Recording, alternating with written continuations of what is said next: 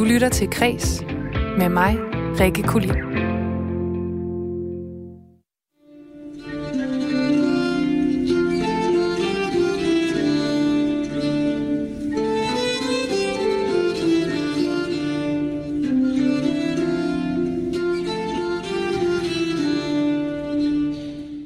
Margrethe den første er bare 10 år, da hun i 1300-tallet bliver sat på et skib og sendt afsted mod Norge. Hun er blevet giftet væk til den norske kong Håkon, og hendes opgave er at føde en arving. Det gør Margrethe så, men hun bliver samtidig også den succesfulde dronning, som samler Norden til et rige og får ekstrem stor magt og indflydelse. Det har Anne-Lise Marstrand Jørgensen skrevet den anmelderroste roman Margrethe den første, eller Margrethe 1 om. Vi taler selvfølgelig med hende om, hvordan man gør en person fra middelalderen levende på bogsider. Og øh, senere i programmet, så springer jeg faktisk også selv ud i at skrive en fiktionsroman om øh, navnesøster, nemlig vores øh, navnesøster, nemlig vores egen dronning Margrethe den anden.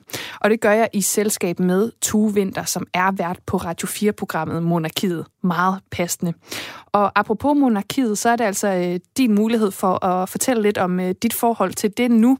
For øh, jeg er lidt nysgerrig på at høre øh, dig, der lytter med, hvad dit forhold til kongehuset er. Er du fast lytter af monarkiet måske, så kan du altså skrive en sms til øh, mig. Det gør du ved at starte den øh, med R4, laver et mellemrum, skriver din besked og sender den til 1424. Gud bevarer Danmark og velkommen til Kreds. Og senere i programmet, der får jeg besøg af festivalleder på Filmfestivalen Mix Copenhagen, for at mixe det lidt op ud over øh, det royale aspekt, vi har i dag. Og øh, så synger musiker Sissel Lirknis Vestertjæle ugen på vers sidst i programmet. Men allerførst, så skal du selvfølgelig få et ordentligt overblik over dagens vigtigste kulturnyheder. Hvert år så køber det offentlige ind for et 60 milliardbeløb. Ja, sådan lød det fra finansminister Nikolaj Vammen på et pressemøde tidligere i dag om en ny grøn strategi for offentlige indkøb. Og umiddelbart så lyder det jo ikke øh, særlig kulturagtigt, men særligt et forslag, det har altså vagt øh, debat og øh, begejstring hos øh, tilhængere, mens modstanderne de øh, sjovt nok er meget skeptiske. Og det er forslaget om to kødfri dage om ugen i kantinen for alle statsansatte, som altså deler vandene. Kød er noget af det, der har et klimaaftryk, øh, ja, noget af det, der har et klimaaftryk. Det er altså det, der blev sagt, så jeg citerer bare ordret. Og det er en af de måder, vi kan bidrage til, at der udledes mindre CO2. Men derudover er vi også meget opmærksomme på både økologi og madspil, og det sagde altså finansministeren Nikolaj Vammen til det her pressemøde. Men øh, når det kommer til at ændre madkultur på grund af klimaet, så kan Jonas Kjeldgaard, som er øh, tidligere deltager i maddysten på DR2, og som er ekspert i at lave vegetariske retter, faktisk give dig et godt råd til, hvordan du som kødelsker, hvis du er det, kan kaste dig over god vegetarisk madlavning. Man skal bruge én ingrediens, som er den femte smag, nemlig umami, som kommer i forklædning, nemlig miso, som er fermenterede sojabønner som, som regel. Og det gør, at der fås en dybde, som man ikke kan opnå på anden måde. Og så når man snakker om dybde, så byg smagene op. Hvis man har en grøntsag, som man giver lang tid i ovnen, så øh, opnås en nærmest karamelliseret sød smag. Ja, og hvis du nu sidder derude, og du stadig er lidt skeptisk, så, øh, så kommer Jonas Kjeldgaard faktisk øh, og giver dig en ret specifik ret, som du måske kan prøve af. Lige nu, der er det græskasfasson, og der er ikke noget bedre end de her flotte orange hokkaido-græsker. Skær toppen af, skrab indholdet ud, og så laver du en god blanding af svampe og løg og hvidløg, som du rister godt af på panden, en god røvfuld persille, ned i græskarret, låget på ind i ovnen en time ved 200 grader, og så voila, så har du det mest svampede, lækre stykke fraseret græskar. Og så er der lige det, at vegetarisk mad, det behøver ikke altid at være sundt. For eksempel så har jeg tre gode vegetariske produkter. Æggeblomme, citron og smør. Og hvis de tre ting bliver blandet på den helt rigtige måde, så giver det, giver det sådan en fed creme, der også går under navnet hollandaise. Der er ingen undskyldning for ikke at lave vegetarisk. Det sagde altså Jonas Kjeldgaard, som er tidligere deltager i maddysten på DR2 og ekspert i vegetariske retter. Og det er altså på baggrund af den her nye madkultur, som regeringen ønsker at indføre, som blandt andet kommer til at betyde to kødfri dage øh, hos alle offentlige statsansatte i kantinerne.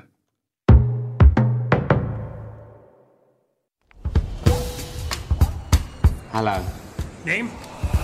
David Bowie. En ny filmtrailer har set dagens lys. Det er nemlig traileren til den kommende fiktionsfilm om David Bowie med titlen Stardust. Altså en reference til øh, Bowies øh, alter ego Ziggy Stardust. Og det er Johnny Flynn, som skal spille hovedrollen i den her kommende film. Og man kan sige, at ovenpå øh, ret populære Oscar-vindende musikportrætter som øh, Bohemian Rhapsody om øh, Freddie Mercury og øh, Rocketman om Elton John, så er den her film altså, den har lagt sig ind i en slipstrøm af en ret stor tendens. Og jeg skal lige advare og sige, at jeg er øh, verdens største David Bowie-fan, men der mangler noget i den her film, nemlig det her. Ziggy played guitar, jamming good with Weird and gear.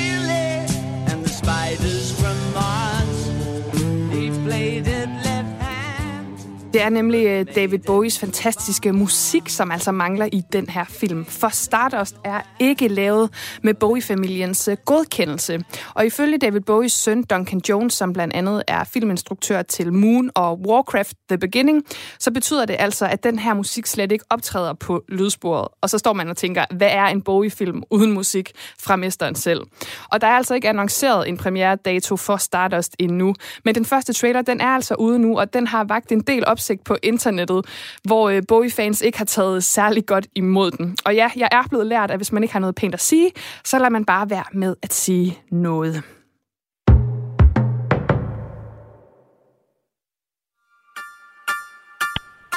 This is a Global Cal-Link prepaid call from Adnan Sayed. An inmate at a Maryland Correctional Facility. From This American Life and WBEZ Chicago, it's Serial, one story told week by week. I'm Sarah Koenig. Ja, det var Sarah Koenig, som tilbage i 2013 satte ordet podcast på alles læber med True Crime-serien Serial. Og øh, selvom vi danskere lige skulle bruge et par år på at tage podcastmediet til os, så er der altså sket noget herhjemme. I 2017, der lyttede 6% af danskerne ugenligt til podcast. Men i 2019, der var det tal steget til 19% ifølge Gallup, og det ser altså ud til at stige fortsat. Og nu har den danske medieforsker Aske Kammer sammen med Thomas Beilborg Sejersen modtaget 340.000 kroner fra alder til at forske i de danske forretningsmodeller på det danske podcastmarked. Og så også publikum, altså dem, der lytter med, deres villighed til faktisk at betale for podcast, som jo traditionelt har været noget, man ikke har skulle betale for i Danmark. Og ifølge Aske Kammer, så er øh, streamingtjenester som Spotify, der ellers øh, er et sted, man streamer musik, de er altså ved at sætte sig på øh, podcast, og de satser også stort på det. Blandt andet så har de underskrevet kontrakt med amerikanske Joe Rogan, som står bag The Joe Rogan Experience. Og øh, ifølge Aske Kammer, så er der altså på det danske marked endnu ikke sådan en bæredygtig forretningsmodel for langt de fleste, der laver podcast. Og det er altså det, der skal forskes i nu. Resultaterne de offentliggøres i januar 2022, og som meget ivrig podcastlytter, så glæder jeg mig til at se, hvad de finder ud af. Det vi ser her er øh, Margrethe den Førstes øh, sarkofag, som står her midt i koret i Roskilde Domkirke. Margrethe den Første er jo især kendt, fordi at det var hende, der samlede de tre nordiske riger i en union, Kalmunionen. Ja, Margrethe den første sarkofag står i Roskilde Domkirke. Det hørte vi kort i programmet Historien fortsætter fra DR. For nu skal det handle om kvinden, som samlede hele Norden i et stort rige tilbage i middelalderen. Det er altså, ja, Margrethe den første. Og Anne-Lise Marstrand Jørgensen, hun fortæller i sin nye roman om Margrethe den første, om en kvindeskikkelse, som bliver ved med at fascinere os, men som vi alligevel ikke ved så meget om. Og det er her, man bliver nødt til at tage fiktion til hjælp, for forklarer Anne-Lise Marstrand Jørgensen. Når jeg går ind og skal skrive en roman om Margrethe den Første, så er det selvfølgelig, fordi der er noget ved historien, der fanger mig, men der er også noget ved, ved forestillingen om, hvem hun har været som menneske, øhm, som griber mig. Og når jeg skal skrive den roman, så tager jeg selvfølgelig udgangspunkt i alt det, som vi ved øh, om datiden og om øh, historiens gang. Men jeg forsøger også at skabe og bygge et menneske op, som vi kan tro på, at sådan kunne hun godt have været, Øhm, hvis, hun, øh, hvis vi havde kendt hende. Hvad er det så for nogle karaktertræk, du har valgt at give hende? Jeg har så valgt selvfølgelig til udgangspunkt i det, som man øh, godt kan blive enige om, nemlig at hun må have været utrolig godt begavet og haft en stor strategisk og øh, visionær politisk begavelse. Øh, men jeg har også valgt at gøre hende, ud over hendes intelligens, gøre hende meget viljestærk og på sin vis enrådig, men også virkelig god til at øh, finde allierede og finde ud af, hvem hun skal holde sig til og hvem hun skal holde sig fra.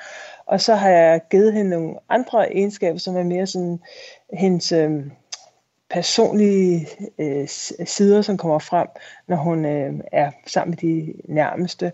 Og der er hun både kærlig, men også øh, lunefuld, øh, og har nogle gange lidt svært ved at styre sit temperament. Øhm, ikke sådan, at hun er vildt urimelig, det synes jeg egentlig ikke, hun er. Mere sådan, man skal forestille sig, at man kan blive, når man er vokset op øhm, i ensomhed og med, med meget striks disciplin, og også, øhm, også fysisk afstraffelse og sådan nogle ting, som hun øh, oplever som barn. Og hun bliver jo regent øh, på trods af sit køn. Øh, du har lovet at læse et lille stykke op, hvor hun så også reflekterer over det selv.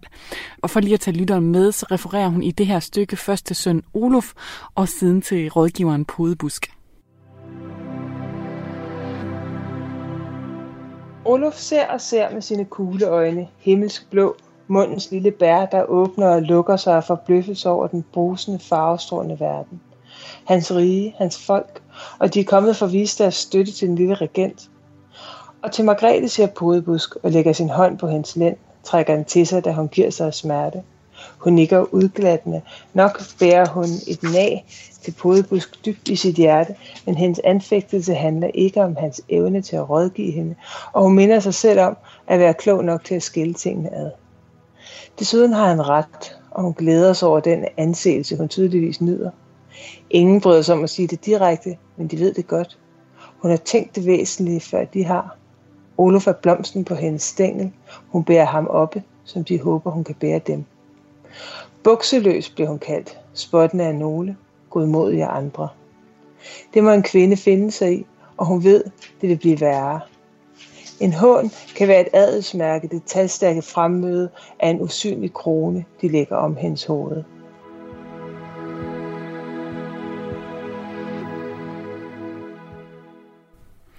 Ja, vi hører jo Margrethe selv her reflektere over sit køn, men hvor skældsættende var det egentlig på det her tidspunkt, at hun var et kvindeligt overhoved? Det var helt ekstremt skældsættende og uhørt, at hun øh, var et kvindeligt overhovedet. Det var ikke set før på den måde i Danmark, og det var slet ikke øh, tanken.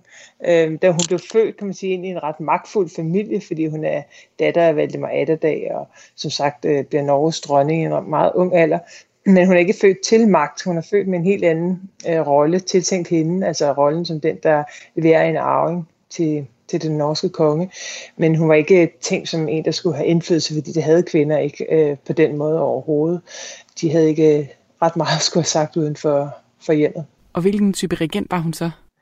Jamen hun var en, øh, en regent, som øh, gerne føre forhandlinger ved skrivebordet snarere end at gå i krig. Ikke fordi hun ikke hun går også i krig, og hun kan også være både brutal og, og for sin vis også kynisk, men hun vil gerne samarbejdet, og hun øh, er en eminent forhandler, og hun er altid sådan to skridt foran sine modstandere, eller dem hun forhandler med.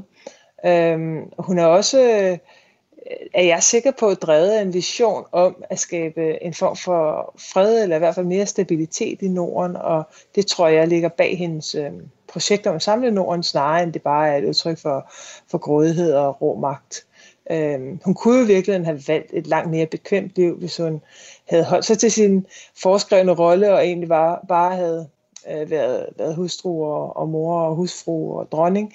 Øhm, også da da hendes øh, far dør, der er det slet ikke øh, egentlig på tale, at, at øh, Margrethes søn Olof øh, skal være den næste konge i Danmark. Men hun presser på og træder allerede der i front, altså, og sætter sig selv i en, i en farlig øh, position egentlig, en, en, øh, altså, hvor hun bliver for mange modstandere meget tidligt, alt det havde hun slet ikke behøvet at gøre. Så jeg er sikker på, at hun har været en regent, som har, har virkelig haft en, en vision for, hvordan hun godt kunne tænke sig, at, øh, at riget skulle fungere. Og, og så har hun også været meget øh, ja, enrådig. Hun har sørget for at samle meget magt omkring sig selv, undladt at genbesætte embeder.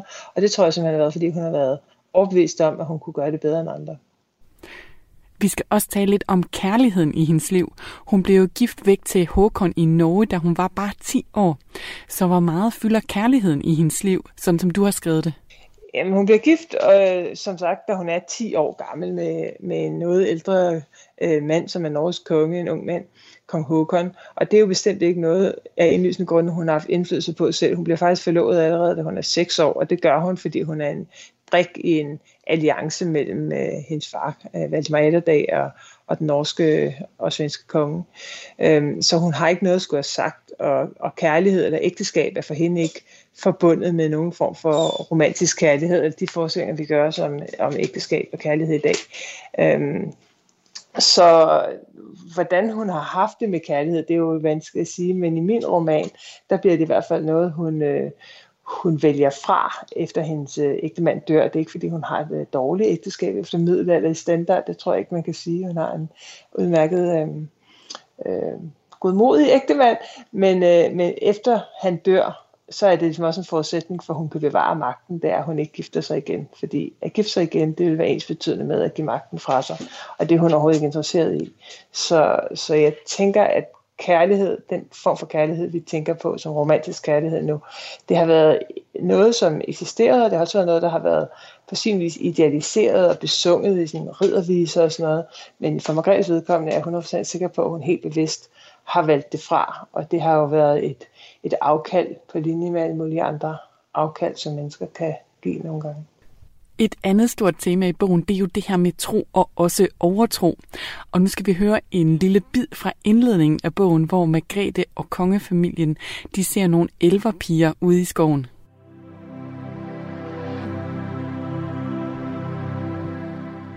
Elverpigerne svejer i lysningen, deres fødder synker i blomsterskum og sand. Et følge af vogne kommer til syne i den milde aften, langsomme og besværet på en ujævne vej. I den forreste sover en 10-årig pige med hovedet mod sin storebrors skulder. Lyden af de underjordiske slatter finder vej ind i søvnen, når hun vågner. Christoffer udpeger de dansende for hende. Margrethe vil så gerne kunne se det samme som han. Kun når hun knipper øjnene sammen, aner hun pigernes hulrykkede kroppe. Ingeborg ser til synligheden det hele. Kranse af perikon om elverpigernes hår, at deres øjne ingen farve har ud over den mørke pupil, at de rækker ud efter dem, mens de danser. Ingeborg er fem år ældre end Margrethe. Hun blev gift sidste sommer og har allerede en lille søn. Hun taler og taler, indtil Christoffer tysser på hende. Han lægger armen om sin yngste søster. Margrethe lukker øjnene og indsnuser duften af sød skov hår.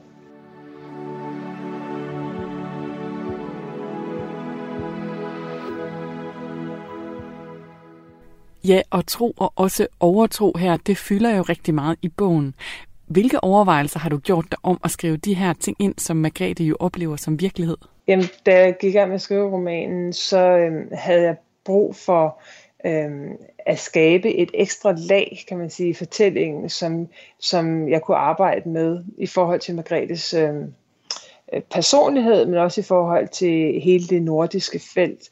Og der er selvfølgelig historien, som vi kender den, og hendes forhold til, til sin tro, som vi også ved ret meget om, fordi Margrethe hun gav virkelig rigelige gaver til kirken, og, og, og var tydeligvis en, en forholdsvis from dronning.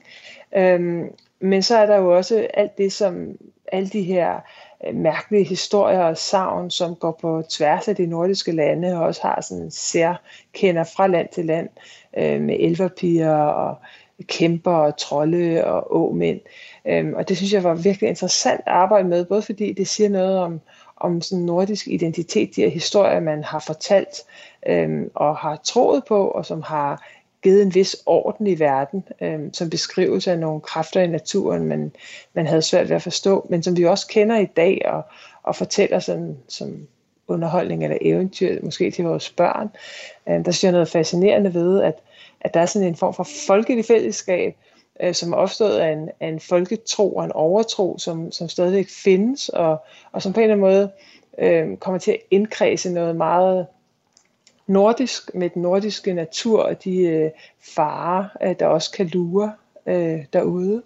Og i bogen om Margrethe, der spiller de også den rolle, at hun øh, på en eller anden måde både står lidt i forbindelse med og er nødt til at holde sig på god fod med de underjordiske.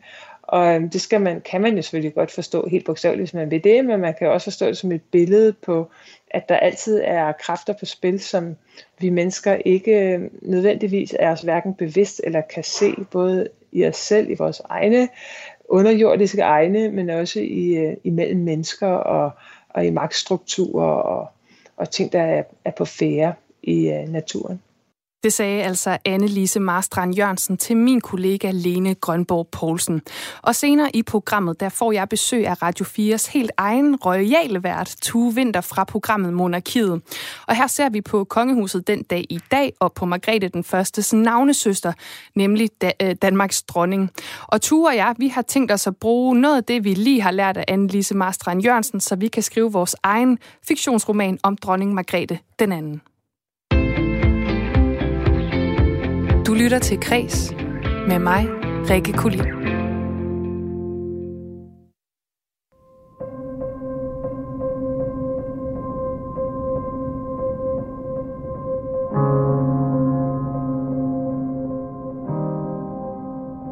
Hvor meget tænker du over, hvilke kærlighedsforhold, kønsidentiteter og seksualiteter, der er repræsenteret i de film, du ser, når du sætter dig ned i biografens sæder? Der er måske en sandsynlighed for, at det ikke er noget, der er, altså, du tænker så meget over, men det er der andre, der gør. Og lige nu, der er der en filmfestival i København, der gør sit for at lave om på det her. Det er nemlig filmfestivalen Mix Copenhagen, som i år fejrer 35 års jubilæum og er i fuld gang og fortsætter sit program de næste par dage. Og nu kan jeg sige øh, velkommen til dig, Andrea Koloma, festivalleder ved Mix Copenhagen. Velkommen til Kreds. Tak. Andrea, vil du ikke starte med at sætte øh, nogle ord på til dem, der slet ikke kender Mix Copenhagen, hvad det er for en festival? Ja, vi er en, øh, en LGBTQ plus filmfestival, det vil sige lesbian, gay, bi, trans, queer, det engelske øh, betegnelser alligevel. Øh, det vil sige, at vi viser film, der har øh, historie, queer-historier, øh, men også film, som udforsker og udfordrer øh, grænserne i det mainstream portrættering øh, køn og seksualitet. Og øh, altså, man kan jo sige, at der er en del film her de seneste par år. Altså, nu spillede jeg lige lidt musik, der er med i Call Me By Your Name, Sufjan Stevens med Visions of Gideon her, og der er en serie som uh, Euphoria og Blue ja. is the Warmest Color, ja. som uh, har taget uh, ja, mainstream, siger jeg, går så en publikum mm-hmm. med storm. Altså, hvordan adskiller de film, man kan se her til uh, Mix Copenhagen fra de eksempler, som jo er dem, der har ramt et lidt bredere publikum? Ja, altså jeg vil sige, at hvis vi tager Call Me, Call Me By Your Name, som undskyld, vi viste også til vores festival for to år siden. Kæmpe stor hit. Vi havde øh, tre udsolgte visninger. Øh, fantastisk film, det er jo ikke det. Men hvis vi tager den som et eksempel, der bliver ikke vist sex mellem de to karakterer. Derudover, at den er baseret på en borg. Øhm, der hvor øhm, Elio jeg skal spise den der fersken. øhm, I borgen, han spiser det, men det er sådan set for meget til en mainstream film.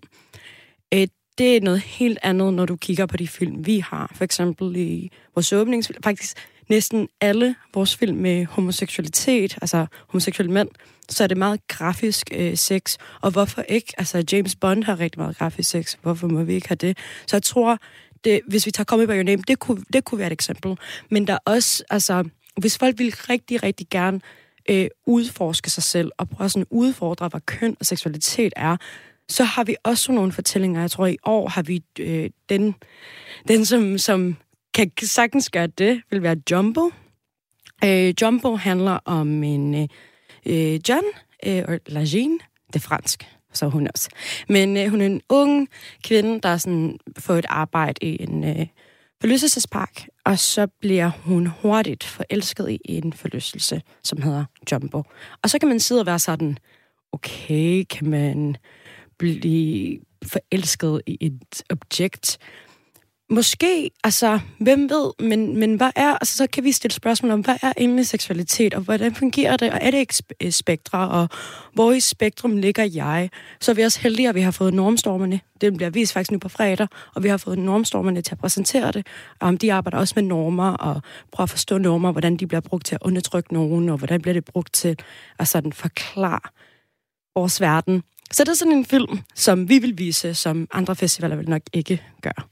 Og det er jo også, tænker jeg, måske den her skildring af queer-personer, som ikke bare er tilpasset til det heteroseksuelle publikum. Præcis. Vi har også øh, film i år som øh, So Pretty og Before a World, øh, som handler om polyamorøse øh, forhold. Øh, der også... Ja, igen, jeg tror, når vi taler om mainstream, som tæl, så taler vi om hvide kroppe og cis-kroppe, kroppe, der ikke har en handicap, for eksempel kroppe, øhm, øh, mennesker, der vil giftes, der vil have børn. Øhm, måske historier, der kan komme med det normativ, hvor at vores festival, det, det, det viser jeg, vi ikke særlig meget af. Men det betyder jo ikke, at der er ikke film, hvor det kan komme, og, og det er bare en kærlighedshistorie, og den er fantastisk. Det er bare fortalt på en anden måde. Men altså, den her filmfestival, den foregår jo øh, i København, Mix Copenhagen her. Så hvordan bliver den relevant for folk uden for hovedstaden? Fordi der findes jo også queer-personer uden for København i, øh, i det her land, som har behov for at se den her repræsentation, som du taler om, som måske i særlig i høj grad til daglig ikke får så meget af det i de kredse, de færdes i der. Ja, absolut. Øhm, jeg vil starte med at sige, at i mange år har vi samarbejdet med øh, Mix Odense og Proud, som er i Aarhus. Det vil sige, at de får støtte fra os, og vi kuraterer også mange af deres programmer.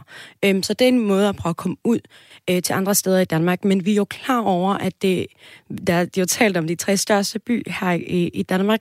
Så det, som vi har lanceret i år, det er en online festival, som øhm, starter den 2. november øh, til og med den 11., hvor vi håber virkelig på, at alle i, i Danmark, øh, ikke kun queer folk, men selvfølgelig især queer mennesker, men alle i Danmark kan kunne se øh, vores film. Vi har lidt over 20 titler. Ja. Og det er jo også øh, ja, både coronavenligt, og det er blevet, virkelig blevet en del af mange filmfestivaler i år, det her med, at man også går digitalt. Det tænker jeg også er, har været en del af det. Ja, absolut. Altså, øh, jeg vil bare sige, at vi havde stadig, at vi er ret stolte, og jeg er ret stolt af mit hold, at vi har kunne levere et fysisk festival øh, under de her tider. Det vil bare starte med, fordi det er ret vigtigt først og fremmest at støtte film. Øh, vi en filmfestival, så selvfølgelig synes vi, at film skal ses i mørket, et stort lær øh, af biografen, og så skal vi også støtte vores biografer. Vi er prim, prim, primært i Empire Cinemateket, og vi, vi synes, vi skal støtte vores lokale biografer. Men selvfølgelig, der, der er nu der er en stor efterspørgsel for online øhm, festivaler, så har der også kommet nogle øh, platforme, som vi har også råd til og kan komme i. Så det, har, altså, det er en god ting, der er kommet ud af corona, hvis vi skal sige det sådan. Og det er jo perfekt lige nu, fordi du har jo allerede været rigtig god til at sprede sådan anbefalinger rundt i hele interviewet, så der er allerede blevet nævnt en del filmtitler. Men jeg tænker, om du måske her til sidst kan anbefale en af de film, I viser, som man måske også har mulighed for at se online, hvis nu man sidder i Esbjerg eller i Aalborg eller et helt tredje sted, og som måske også på en eller anden måde sådan indkapsler Mix Copenhagen? Hvis jeg skulle anbefale, så vil jeg gerne anbefale tre, som jeg synes indkapsler ja. Mix Copenhagen. uh, den første, det er vores åbningsfilm. Jeg er så glad af vores åbningsfilm. Vi har fået med til vores online festival. Den hedder No Hard Feelings, eller Futu 3 uh, på tysk.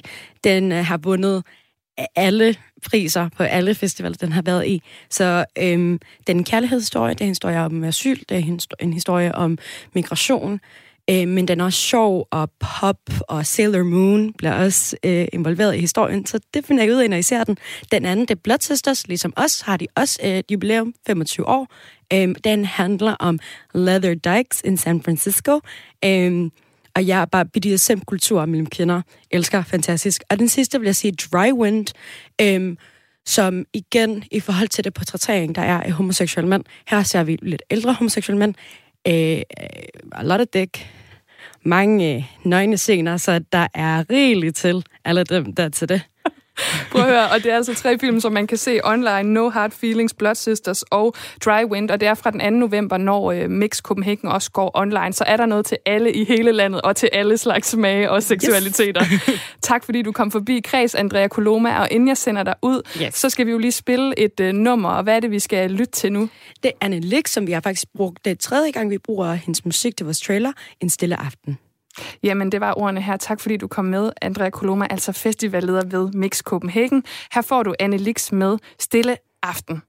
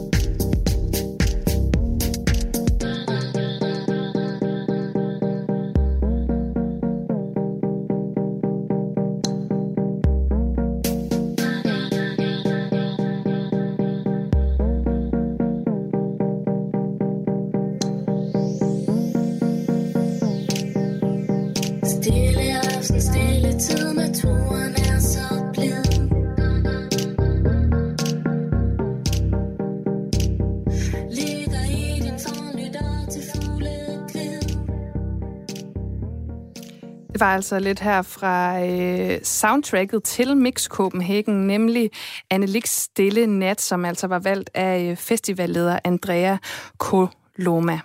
Og øh, nu skal vi altså tilbage til øh, dagens øh, royale tema her i Kris. Du lytter til Kres med mig, Rikke Kulin. Lad os gå ind i det nye år sammen. Jeg ønsker alle et godt nytår. Gud bevarer Danmark.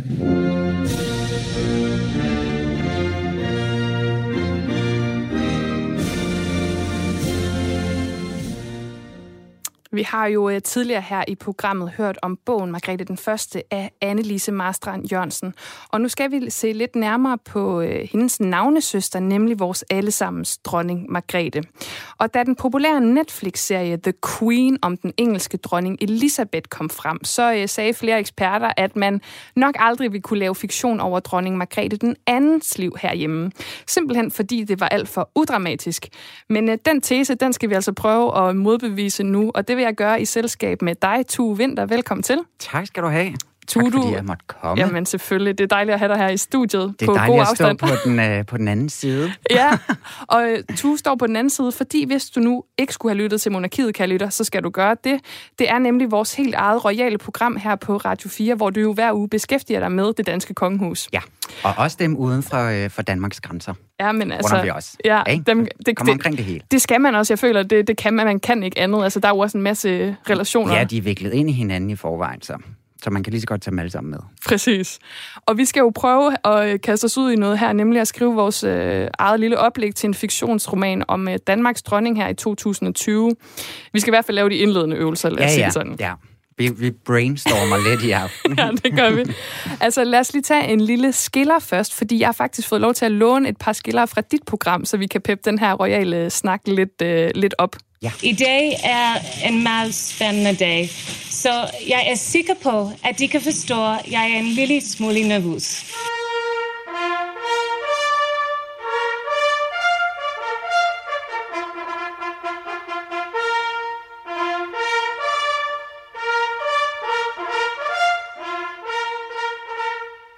der var den dejligste skiller i verden. Hvis vi nu mm. kigger på nogle af de her temaer, som øh, Annelise Marstrand Jørgensen hun snakkede om i forhold til Margrethe den Første, så er der jo faktisk øh, flere lige lighedspunkter med vores øh, egen dronning Margrethe den anden i dag. Fordi Margrethe den Første, hun bliver altså regent på trods af sit køn. Og det gjorde vores øh, Margrethe jo egentlig også, altså Margrethe den anden. Hvor meget tror du, det har fyldt i hendes liv, og hvor meget skal det fylde, det element ligesom fylde i den her bog, vi skal skrive?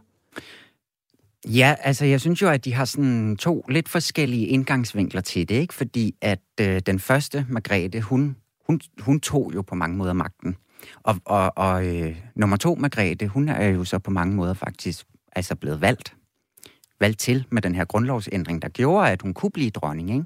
Og så kan man snakke om, hvordan man så forvalter det at have fået det ansvar. Og det har de jo så, altså der har Margrethe den anden jo også virkelig sådan gået ind måske og taget den pligt, som det er, øhm, i højere grad. Altså hun har jo også set, så, øh, hvad, hvad kan hendes rolle være i den her tid, og hvordan skal jeg forvalte det her ansvar, der er blevet pålagt mig. Men jeg ved ikke helt, jeg har, jeg tror på mange måder, på samme måde som dronning Margrethe den første, så tror jeg heller måske ikke, at dronning Margrethe den anden ser sit køn som sådan en, øh, en, en faktor, hun kæmper ud fra. Jeg tror, at, at det er pligten over alt også køn. Okay, så det vi skal ikke lægge den her feministiske vinkel på egentlig. Altså, det er i hvert fald ikke det, der har drevet majestaten. Nej, det tror jeg ikke. Altså, øh, helt personligt, jeg kan jo kun snakke øh, ud fra mine egne personlige øh, øh, holdninger her, ikke? men jeg tror ikke, at det på den måde er et feministisk projekt for hende at være dronning. Okay, men så lad os kigge lidt på øh, kærligheden, fordi det er jo ikke noget, der som sådan fylder så meget i Margrethe den Førstes liv. Nej. Men fortællingen om vores øh, dronningskærlighedsliv, hvad er den? Jamen, altså, det er jo, hun bliver gift med den her vidunderlige franskmand, ikke? For, for mange år tilbage. Og jeg synes jo faktisk, at det er her, hvis det er, at vi skal gå ind og lave fiktion over dronning Margrethes, øh, den første, andens liv. det er også besværligt, når de hedder det samme. Det er det. så, øh, så synes jeg, at vi skal gribe fat i, øh, i, i en sen kærlighedshistorie, en lidt tragisk kærlighedshistorie. Fordi at jeg synes, at det må være ret voldsomt, det her, som øh, dronning Margrethe den anden har oplevet med, at, at hendes mand gennem alle de her år ikke vil begraves med hende. Prøv lige, altså, nu, jeg bliver sådan, ja, ja, jeg skal sådan lige... Dam, dam, dam. Men det er også fordi, det er så sent på en eller anden måde, ikke? Altså, det er jo en forholdsvis sen alder, at, vi, at den her nyhed, den sådan kommer, og mm-hmm. den, jeg husker, at den fylder ret meget. Altså...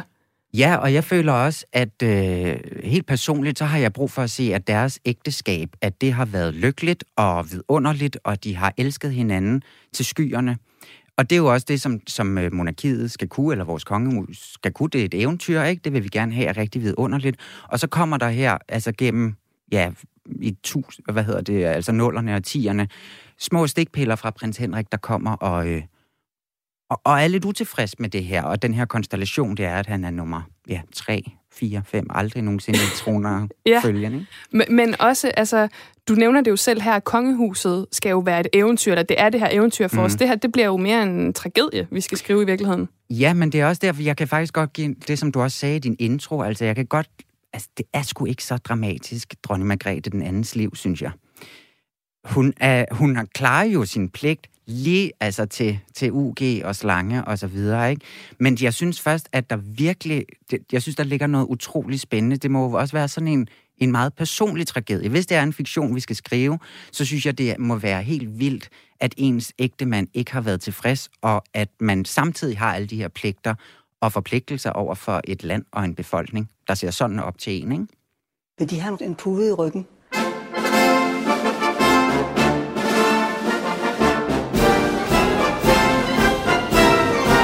Hvis de vil, så har jeg sagtens lånt dem en pude. Oh, det vil jeg vældig gerne have. Øh, hvor er mine møbler blevet? Nej. Jeg tror, Men lad os bare er meget nødt at sidde på en pude. Hvis Jamen, det er bestemt ikke Og det er til ryggen, vi jeg tænker. simpelthen for... Oh, tusind tak. Jeg synes, det kunne, jeg kunne se, at de følte dem lidt langt tilbage. Det er rigtigt nok, øh, men jeg troede, jeg skulle sidde på en pude. Det nej, nej, nej, nej, nej, nej, nej.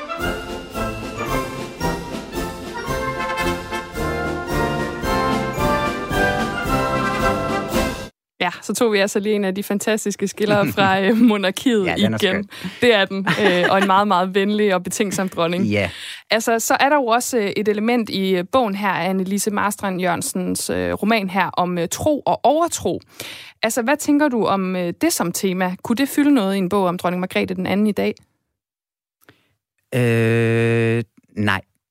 Ikke umiddelbart, vil jeg øh, sige, fordi at jeg tror egentlig, jeg, jeg tror jo også, der er også det her med, når vi skriver en fiktion, ikke? så må vi gerne, vi må gerne dække lidt, håber jeg. Og derfor så tænker jeg egentlig, at dronningen på mange måder, altså jeg tror sådan set, at hun går mere op i sådan religionsvidenskaben og, øh, og sådan hele historien, religionshistorien, frem for sådan tro på den måde.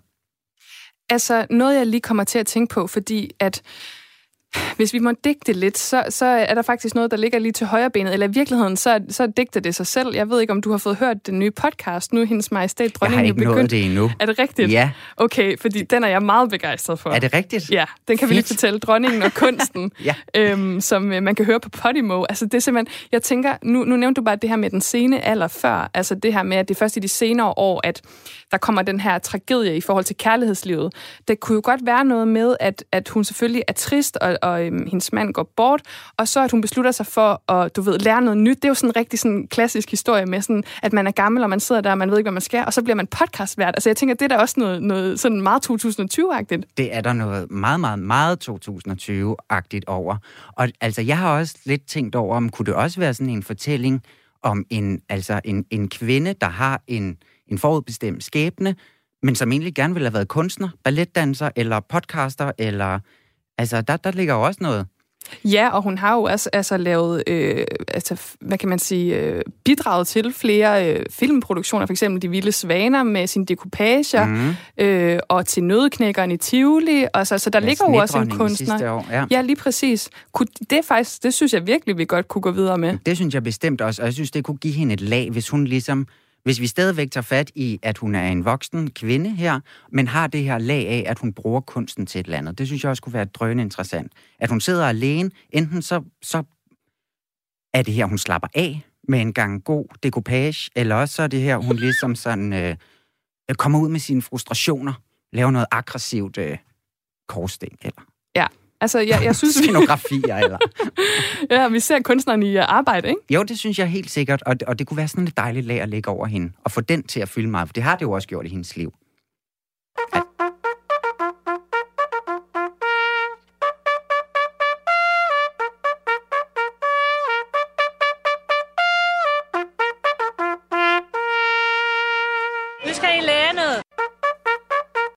Ja, endnu en skiller fra øh, monarkiet her. Prøv at høre, Tue, vi er, jeg synes, vi faktisk er kommet ind på noget ret godt her. Altså også noget meget moderne, som jeg tror, mange vil kunne, øhm, kunne følge med i her. Men vi hørte jo tidligere, at Anne-Lise Marstrand Jørgensen, hun læste åbningsscenen i sin bog op. Og her møder vi altså Margrethe den Første sammen med sine søskende, mm. hvor de oplever nogle overnaturlige væsener. Og nu var vi jo lidt inde på før, hvad, hvad man, altså en scene i, i bogen kunne være. Altså det her med at se dronningen i arbejde. Hvilken scene synes du, vi skal sætte som start? Er det et godt sted at starte med det? Mm. Ja, altså det ved jeg sgu ikke helt. Hvad? Altså, vi, altså, jeg kunne bare også godt tænke mig at, at, at se det ægteskab måske til en start. Jeg vil gerne se de, de indledende øhm, øh, skænderier og frustrationer om både byråkrati og en stab, der skal gå op, og så den her... Må jeg ikke se dem skændes og for, for, for ligesom at få sat hele scenen i gang? Kunne det ikke være skønt? Jo, det synes jeg godt, vi kan starte med det. Så det vil, du vil have, at vi skal starte ret sent op ja, i hendes ja. liv i virkeligheden. Ja. Fordi i modsætning til The Crown, som vi jo nærmest, altså vi får nærmest hele livshistorien øh, Ja. til en vis grad, altså så starter vi ret sent op. Så hvor, hvornår skal vi starte i dronningens liv, og sammen med prins Henrik selvfølgelig?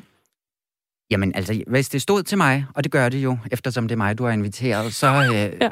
så starter vi altså op i nullerne. Og så kan det godt være, at vi skal bruge det som en rammehistorie, så vi bliver ved med at kigge tilbage. Men jeg synes, at det ligesom skal være stedet, hvor at vi, øh, hvor vi fortæller den store, øh, bærende historie i det her litterære værk, vi er ved at lave. Det er en god idé, og så med nogle flashbacks undervejs, ikke? Ja, så vi det også kunne kan få... være. Ja, ja men prøv at høre, Tue Vinter, som altså har været på monarkiet her. Jeg synes, vi skal sende øh, vores øh, oplæg afsted til Gyldendal, og så er jeg sikker på, vi at laver et uh, Google-dokument sammen, ikke? og så kan vi altid brainstorme videre. Jamen, der ligger snart en kontrakt til os. Prøv at høre. Du kan altså lytte til Monarkiet hver onsdag her øh, på øh, kanalen lige efter Kreds har sendt, nemlig kl. 18. Tak ja, for og også klokken 12 om, øh, om, øh, om dagen. Det er så godt, jeg har dig, Tue. 12.10. 12.10, det var altså uh, Tue Vinter, som er vært på Radio 4's uh, øh, royale program Monarkiet. Tak fordi du var med. Tak fordi jeg måtte.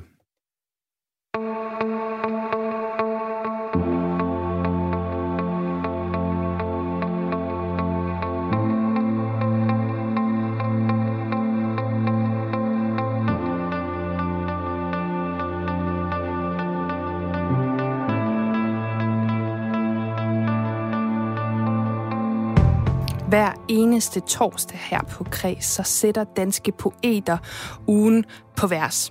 Det gør de ud fra en nyhed, som har fyldt for dem den seneste uge, og som er inspirationskilden til en sprit ny tekst, som de har skrevet. Og øh, jeg har også en øh, poet med mig i dag, nemlig Sissel Lirknens Vestertjæle, som er musiker og ambassadør hos Aktion Børnehjælp. Velkommen til Kreds, Sissel. Tusind tak. Altså faktisk så øh, er der jo noget lidt særligt ved denne her øh, uges ugen på vers, fordi den skal jo synges af dig i dag. Hvor er det dejligt, du vil synge for os. Det vil jeg så gerne. Jeg vil i hvert fald gerne give det et skud. så må vi se, hvordan det ender. Ah, men altså, øh, vi må se, hvordan det ender, og vi må ja. se, hvordan det starter lige om lidt. Men først skal ja. du høre, øh, hvilken nyhed det er, du har valgt, som ligesom danner rammen for, for sangen her. Jamen faktisk så har jeg været inspireret af nogle forskellige nyheder, som er blevet præsenteret her i ugens løb. Blandt andet øh, har jeg været meget optaget af de demonstrationer, som foregår i Polen lige nu, i forbindelse med den her abortlov. Og, øh, og samtidig har jeg også været optaget af, af de her ting, der sker i USA i forbindelse med godkendelsen af en ny højesteretsdommer. Jeg synes, det her er interessant, fordi det centrerer ligesom kroppen som et tema, og, øh, og lige nu er vi bare alle sammen øh, nødt til at håndtere vores kroppe på, på nye måder, kan man sige, med den her øh, corona-situation, hvor vi skal, hvor vi skal agere anderledes. Øh, og, i løbet af det her år, eller sådan de sidste par mange måneder, har der jo bare været et massivt fokus på kroppe i, øh, i den offentlige øh, debat, kan man sige. Både i forbindelse med race og hudfarve, sexisme og samtykke. Så jeg synes, det er enormt vigtigt, at, øh, at vi får det her øh, fokus øh, sunget lidt ud. Amen, prøv at høre, du har simpelthen lavet det, det bedste oplæg, og du har fuldstændig ret. Vi kan måske efter sangen tale lidt videre om, øhm, om alle de her kroppe, og hvor meget ja. det egentlig har været i fokus i år, hvad det så gør for vores sind også, sådan som, øh, sådan som vi behandler vores kroppe, og sådan som de er blevet behandlet i år. Men øhm, først så skal du jo synge, og har øh, sangen en titel? Den hedder Mellem håb og himmel og hav. Jamen, øhm, jeg synes, vi skal høre den nu, så rigtig god fornøjelse, Sissel, med ugen på vers. Kroppe bøjes og strækkes, trætte hænder rækker, ud mod livets trammer. I et koldt kapel. Kroppe i forening, søger efter mening, møder modstand. I et splittet land. Jeg vikler mig ind i håbet. Hvad mere kan jeg gøre? Rejser ud i rummet, hvor tunge tårer tør, og en krop bliver til opløst anatomi i solsystemets autonomi og pandemier tiger mellem håb og himmel og hav. Må jeg bo i din armhule bare et døgn eller to. For det er som om mine nætter ikke rigtig tåler ro. Og det er som om kontinenter støder sammen lige nu. Jeg vil lege et værelse i et hjørne af din krop. Jeg ikke ryger uden dyr, god til at vaske op. Jeg vil bo i din armhule. Hvad vil du? Det er som om kontinenter støder sammen lige nu. Så jeg vikler mig ind i håbet. Hvad mere kan jeg gøre? Jeg rejser ud i rummet, hvor tunge tårer tør, og en krop bliver til opløst anatomi i solsystemets autonomi. Pandemier tiger mellem håb og himmel og hav. Du får lige sådan en her, Sissel.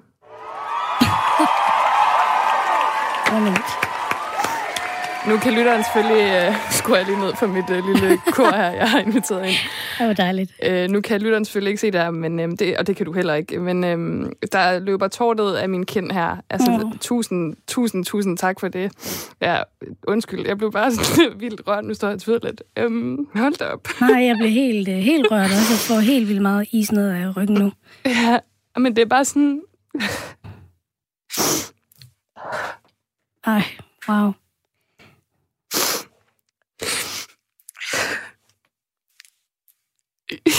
Jeg, jeg, jeg skal lige se... Ej, hvor du... Jamen, jeg bliver simpelthen jeg bliver så rørt herfra også. Og det er så vildt, det der sker lige nu i verden, ikke? Fordi vi sidder jo ikke det samme sted, det må vi måske godt afsløre. Men der er bare så meget... Øh, jeg, jeg, jeg, kan, jeg kan mærke dig hele vejen øh, fra Aarhus til København, eller hvor du nu befinder dig, Rikke. I lige måde. Så tak for din... Øh, Øhm, jeg tror, at du, øh, altså, du synger jo her, at du, det bliver, jeg tror ikke, det bliver nævnt i din tekst her, men altså, et ord, der sådan er øhm, kommet ind i alle danskers ordforråd i år, det er jo ligesom øh, hudsult. Det er pludselig ja. blevet øh, øh, noget, der er kommet på alles læber. Det synes jeg bare, den, altså, man fik bare virkelig lyst til at øh, være tæt på mennesker af, af din tekst her. Øhm, ja, har du ikke lyst til at sætte nogle ord på, hvordan det har været at skrive den her tekst, og hvor Ja, så nu nævnte du jo inspirationen, hvor den kom fra, men kroppen her, som jo er det centrale i, øh, i din sang. Altså, hvordan har det været? Jeg tænker også, du må have længtes efter nogle kroppe, mens du har skrevet det her.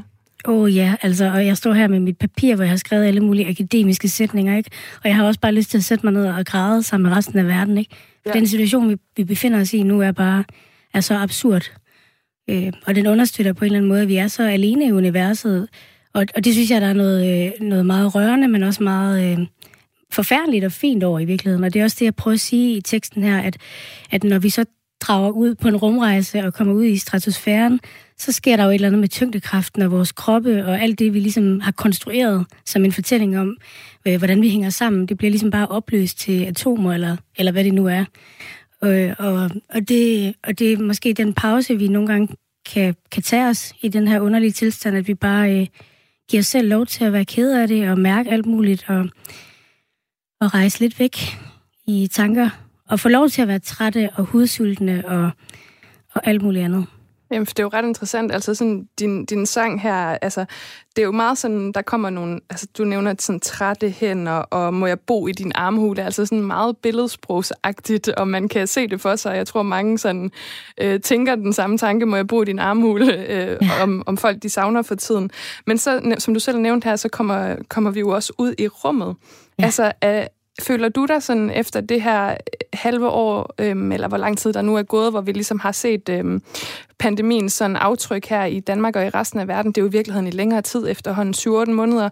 Øhm, føler du dig så sådan, ja, fjern fra andres kroppe og fra din egen krop? Altså det her med, vi har jo skulle tænke rigtig meget. Altså vi har brugt vores hoveder enormt meget, men vores krop meget lidt på en eller anden måde i, i den her tid.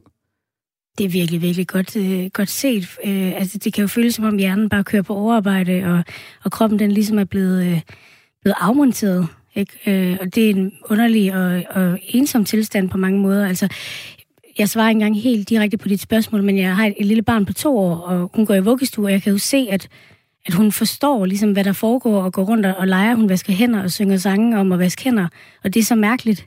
Øh, og jeg tænker meget på, hvordan det bliver for, for de kommende generationer at vokse op. Nu skal det heller ikke overdramatiseres vel, men, men det er en underlig tilstand, hvor, hvor hun ser sin mor, som ikke krammer så meget, som hun normalt ville gøre. Altså, hvor man passerer forbi hinanden med en stor cirkel, ikke? Det er virkelig øh, uvendt. Hvad tror du, der, der, der sker med os, når... Altså, nu er det jo bare de her seks måneder, og jeg kan i hvert fald mærke, at jeg er påvirket af det. Det tror jeg også, der er mange andre, der er. Måske folk, der er især vant til...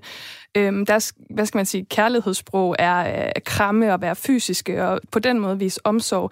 Altså, bare sådan et halvt år, hvor vi ligesom skal styre os og bare tage os sammen. Hvad tror du, det gør for os altså på sådan et samfundsniveau, at vi, vi bliver så øhm, distanceret fra hinanden?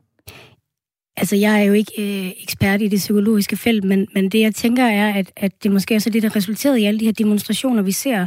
Altså en øget bevidsthed om, hvad, hvad vores kroppe er, og hvad vores kroppe gør, og hvad vores kroppe har brug for. Den her kropsautonomi, som, som demonstrationerne kan vidne om, hvor man har brug for at kræve sin krop, kan måske også være et resultat af en, ja, en bevidsthed om, at, at, at man sådan er blevet bedt om at, at disciplinere sin krop i virkeligheden, ikke? Og det er egentlig ikke, altså, det er virkelig ikke faktisk, fordi jeg er sådan en anti-mundbinds-type, øh, øh, type, men jeg, øh, jeg kan godt forstå, hvorfor der sidder nogen derude, som føler en stor frustration. Øh, jeg synes vi selvfølgelig, vi skal tage vores mundbind på, men, men altså... Øh, Jamen, jeg bliver også helt rørt, så jeg har også helt svært ved at svare på spørgsmålet, faktisk. Men jeg, jeg ved ikke, hvad det gør ved os, men jeg, jeg tror, at, at det gør noget. Jeg har, jeg har i hvert fald været en, en del af, af debatten, eller hvad skal man sige, jeg har forsøgt at gøre mig til en del af debatten om, om racisme og antiracisme selvfølgelig. Ja.